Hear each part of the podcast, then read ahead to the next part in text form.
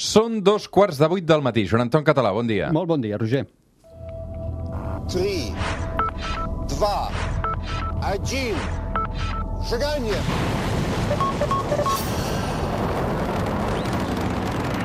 One small step for man, one giant leap for mankind.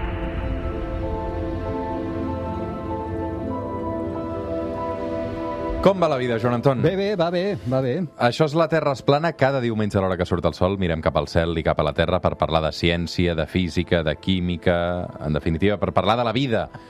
Uh, has comprat mai un diamant, tu, Joan Anton? Mm, crec que no. Crec que no. Ah, Em sembla que no. Jo diria que no. Ah, després ho preguntaré a casa. no és una cosa que, sub, no és una cosa que s'oblidi, eh, Joan Anton? No, no. Uh, crec que no, sincerament. Avui posarem aquesta banda sonora. Jewels, a kiss on the hand may be quite continental, but diamonds are a girl's best friend. Avui amb el Joan Anton Català ens fixem en una de les formes més extraordinàries i luxoses del carboni. Parlem de diamants, eh, un concepte, un mineral que està rodejat, evidentment, de conflictes ètics, Joan Anton. I tant. Uh, per entendre què és i com es forma un diamant, primer hem d'entendre com és el carboni. Sí, uh, i com el carboni, ara ho explicarem, es converteix en estat pur, en un sòlid tan bonic com el diamant. Però eh, deixa'm dir-te que et guardo una sorpresa pel programa que segurament igual en alguns farà caure el mite aquest de que un diamant és per sempre. A diamond is forever? Doncs potser avui caurà aquest mite. Eh? Per això més endavant en Molt bé, programa. molt bé. Més endavant. Val, mira, el carboni. El carboni n'hem parlat alguns, bueno, molts cops. És un element que és el quart element químic més abundant de l'univers, després de l'hidrogen, del heli i de l'oxigen. Com bé sabem, és fonamental per la vida, té aquella propietat que el fa posar-se, enllaçar-se amb, amb ell mateix i fa cadenes de milers de milions de d'esglaons, com per exemple el nostre ADN. La cosa és que el carboni, en estat pur, a la natura, en estat pur, es troba amb dues formes sòlides. Mm. Una és el diamant, que ara en parlarem, l'altra és el grafit. Pensem un moment. El grafit és allò que té una mina d'un llapis per dibuixar. Mira quin aspecte tan diferent. Doncs els dos són carboni pur. És el mateix. És el mateix element, carboni pur. Només que ara explicarem la manera com aquest carboni ha cristal·litzat, la manera com aquest carboni ha estat pressionat i ha agafat estructura, el pot fer que adopti una forma transparent tan bonica i que valorem tant que en diem diamant o una forma vulgar, fosca, opaca, d'aspecte metàl·lic i amb llàmines que anomenem grafit i que entre moltíssims altres usos el tenim a llapis. Per tant, fixa-t'hi que, que, quina contrast, no? quina paradoxa. I a més a més t'haig de dir que el carbó, el vulgar carbó, encara molt més vulgar que el grafit, eh? el carbó mineral és pràcticament el mateix també. El carbó té, té impureses, no és només carboni, mm. però més d'un 80 o un 85% de la seva composició és carboni pur. Per tant, estaria molt a prop d'entrar dintre aquest grup de diamant, grafit i carbó, que serien les tres formes que adopta el carboni en estat natural. Eh? Però el carbó té impuresa, el deixaríem una mica a banda, però si assembla molt, és cosí, cosí germà. Eh? I si s'assemblen tant, Joan Anton, eh, quina diferència real hi ha entre un tros de grafit i un tros de diamant? Clar, Dic aquí- perquè d'aparença queda clar que no tenen res a Clar, veure. res, res. I, I la seva estructura ja, per tant, en, ha de ser diferent. I, I ho és perquè els àtoms de carboni en un diamant adopten una estructura cristal·lina mm. molt, molt, molt compacta, molt rígida i compacta que la fa tenir aquests, uh, aquestes propietats que després repassarem dels diamants. Uh, S'enllacen els àtoms de carboni formant teta, te, tetraedres molt compactes. És tan, tan, tan compacta, aquesta estructura, que es creu que és, si no l'element dels elements, més compactes que hi ha. Vol dir on més àtoms es poden empaquetar en poc volum, on més àtoms hi entren en poc uh, volum. Uh, això els dona aquestes propietats tan especials. Per exemple, és el material natural, el diamant, que té màxima duresa no hi ha manera de ratllar-lo si no és en un altre eh, diamant. Té eh, la màxima resistència també a ser trencat, a ser, a ser fracturat. També és el que aguanta millor la pressió. I algunes de les aplicacions dels diamants s'utilitzen justament com a puntes d'instruments que han de tallar altres coses molt dures, eh, o que han d'exercir pressió sobre altres coses molt dures. Eh, els diamants també condueixen molt bé eh, la calor, però no transmeten l'electricitat. Eh? I això també... Clar, perquè fixa't que l'electricitat, que li vam dedicar un programa, l'electricitat al final és el moviment de càrregues elèctriques. Però un àtom, un, un diamant, els àtoms de carboni, estan tan empaquetats que no hi ha qui es mogui. no hi ha ningú que es mogui. Per tant, allà no hi ha transmissió uh, de la- de la- l'electricitat. Uh, sobreviuen fins i tot a l'atac dels àcids. He trobat que hi ha, hi ha um, indústries que tracten amb àcids per netejar-los, els diamants, perfectíssimament. No? Atenció, perquè després ho explicaré més, que és la sorpresa. Els diamants, els diamants poden cremar, però després, després ho expliquem. Eh, Es diu que són molt purs, no? N'hi ha que siguin perfectes? És a dir, químicament eh, és possible? Sí, sí.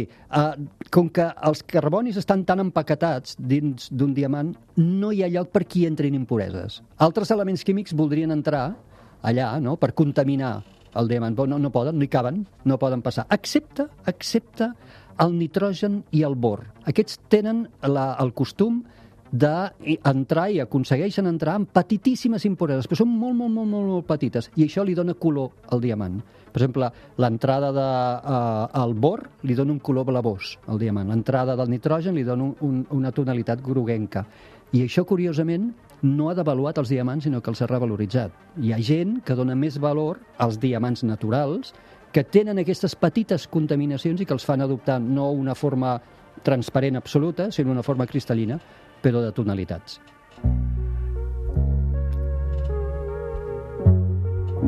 Avui a la Terra es plana amb el Joan Anton Català parlant de, de diamants. Uh, deies que no són per sempre. Ah, i aquí, aquí és on cau el mite del Diamonds are forever? Doncs no. Mira, dèiem, resiste, resisteixen la pressió, els àcids, no ratllen, però cremen. Mira, si agafes un diamant, cosa que no et recomano que facis per raons òbvies, i li acostes una flama molt intensa, cremarà cremarà. Ha de ser una flama superintensa. Hi ha vídeos a internet que expliquen com fer-ho i fan la demo. Eh? No funciona amb un encenedor. No, no funcionen, han de ser flames molt intenses i amb aportació important d'oxigen. Cremarà igual com crema qualsevol altra cosa. Eh? De fet, la combustió, que també li vam dedicar un programa fa temporades, és un procés químic on allò que crema es combina amb l'oxigen. Bueno, doncs es combina amb l'oxigen. I què dona el carboni? Que recordem, és el diamant. Diamant és només carboni. Què dona carboni amb oxigen? Diòxid de carboni, CO2, el mateix gas que exhalem quan respirem. Vulgar CO2 que s'evapora i surt. Per tant, tu cremes un diamant i el diamant crema sense deixar residus. No deix res. Simplement desapareix. No fa flama.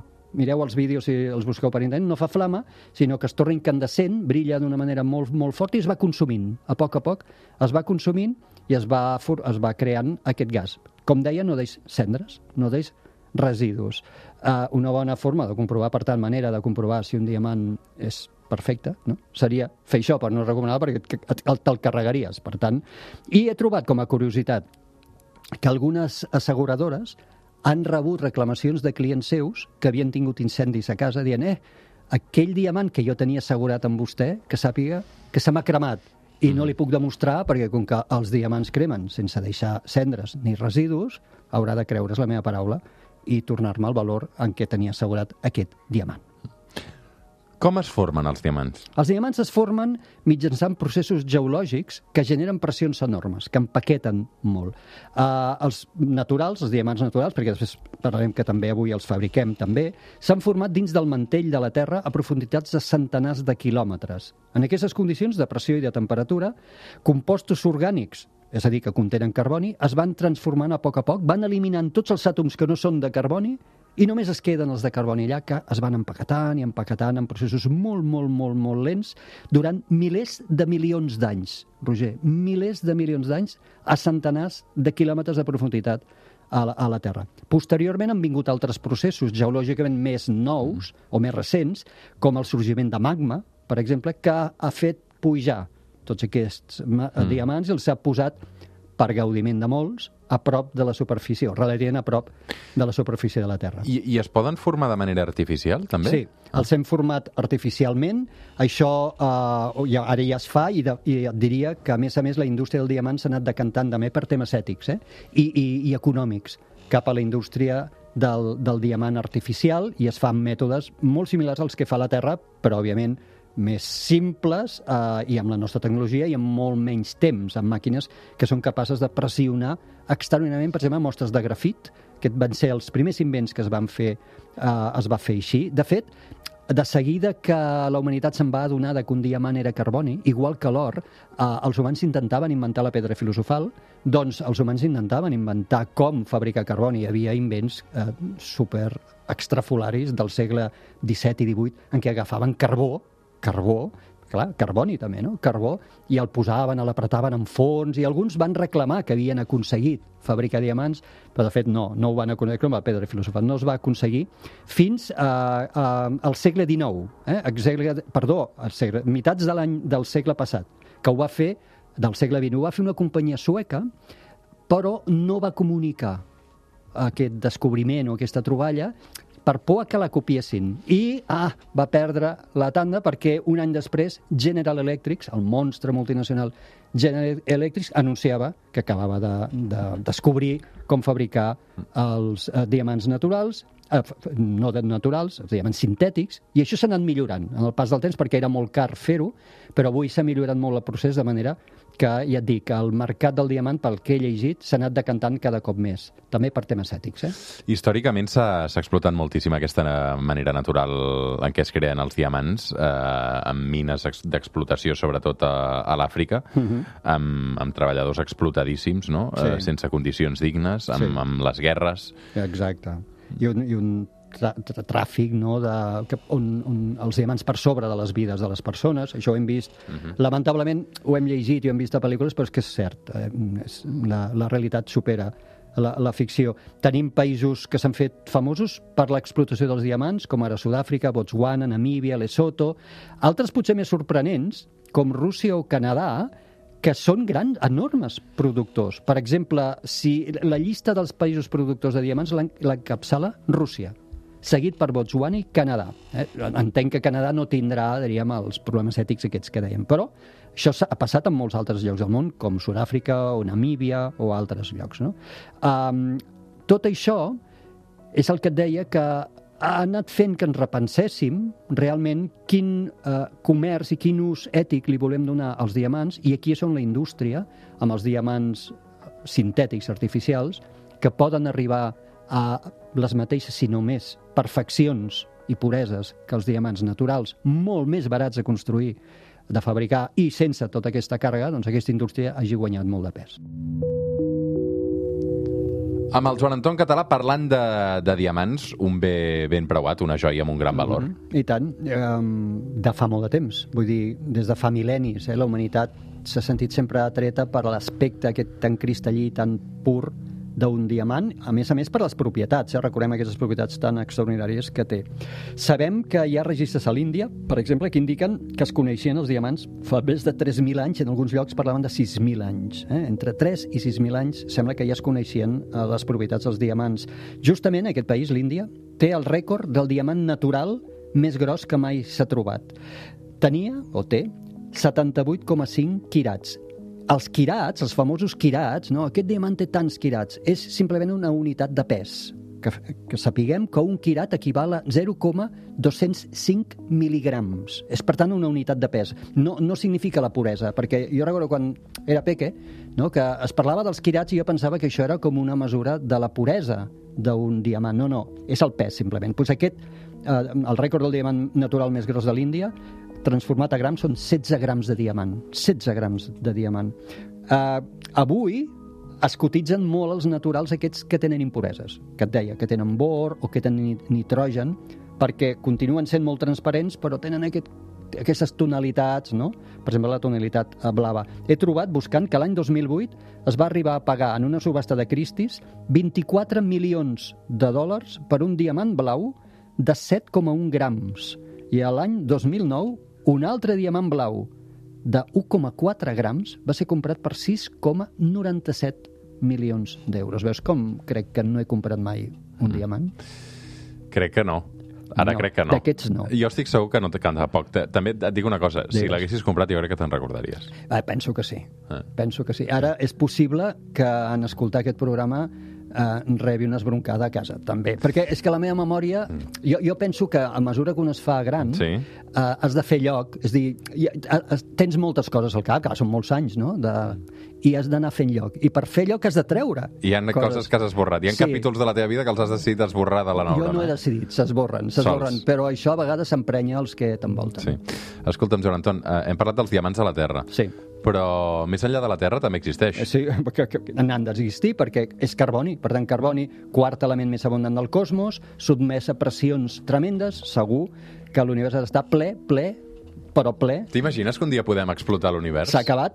Aquell dia el preu del diamant a terra, Ah. que el regalaran. el regalaran pel carrer. Mira, uh, per fer-te un exemple, les atmosferes d'Urà i de Neptú, que ja ho vam explicar, vam fer un programa que es deia, si recordes, què plou a altres mons, Mm. doncs pensem que a Neptú i Urà podria ploure-hi diamants. A les seves atmosferes hi ha metà. El gas metà és un àtom de carboni lligat en quatre d'hidrogen, però hi ha moltes pressions. Creiem que en aquestes pressions el carboni s'empaqueta, elimina l'hidrogen i fa aquestes formes tetraèdriques que acaben cristal·litzant en, en, en forma de diamant i per gravetat, això passaria a les capes altes de l'atmosfera, d'Urà i Neptú, i per gravetat cauria, plouria. Recordem que no hi ha superfície, no pots anar allà en lloc a recollir els diamants que cauen, però caurien amb altura, baixarien, i podrien ser diamants. Uh, això no només és una hipòtesi, sinó que ho hem intentat simular als nostres laboratoris i els resultats ens indiquen que probablement, probablement podria passar en aquestes atmosferes. Quant temps creus que trigarem els humans a explotar aquests planetes, igual que estem explotant les mines de diamants de l'Àfrica? Espero, espero que força, encara. Els primer, la primera cosa que explotarem serà la Lluna, evidentment, després segurament Mart, i després, o eh, juntament algun asteroide, sobretot per buscar-hi minerals molt preuats en aquí a, a la Terra. Eh, De totes maneres, jo espero que això encara trigui una mica rona perquè hem de fer els deures. Tenim tota la qüestió ètica sobre hem la de taula. regular, bàsicament, no? Correcte, regular i, i complir una mica aquella promesa que ens vam autofer a l'any 67 quan vam dir uh, l'espai és patrimoni de tota la humanitat. Doncs, bueno, ara és el moment de demostrar-ho. No deixem que No fa la siguin... sensació que No. anem per el camí de, de repartir-nos l'espai... En absolut. No, no deixem, no tornem a fer els mateixos errors de que siguin sempre els mateixos, no? Els que, que som els dels països del primer món, bàsicament, els que entreguem partit d'això. Gràcies, Joan Anton. A tu. Fem una pausa i de seguida tornem al suplement.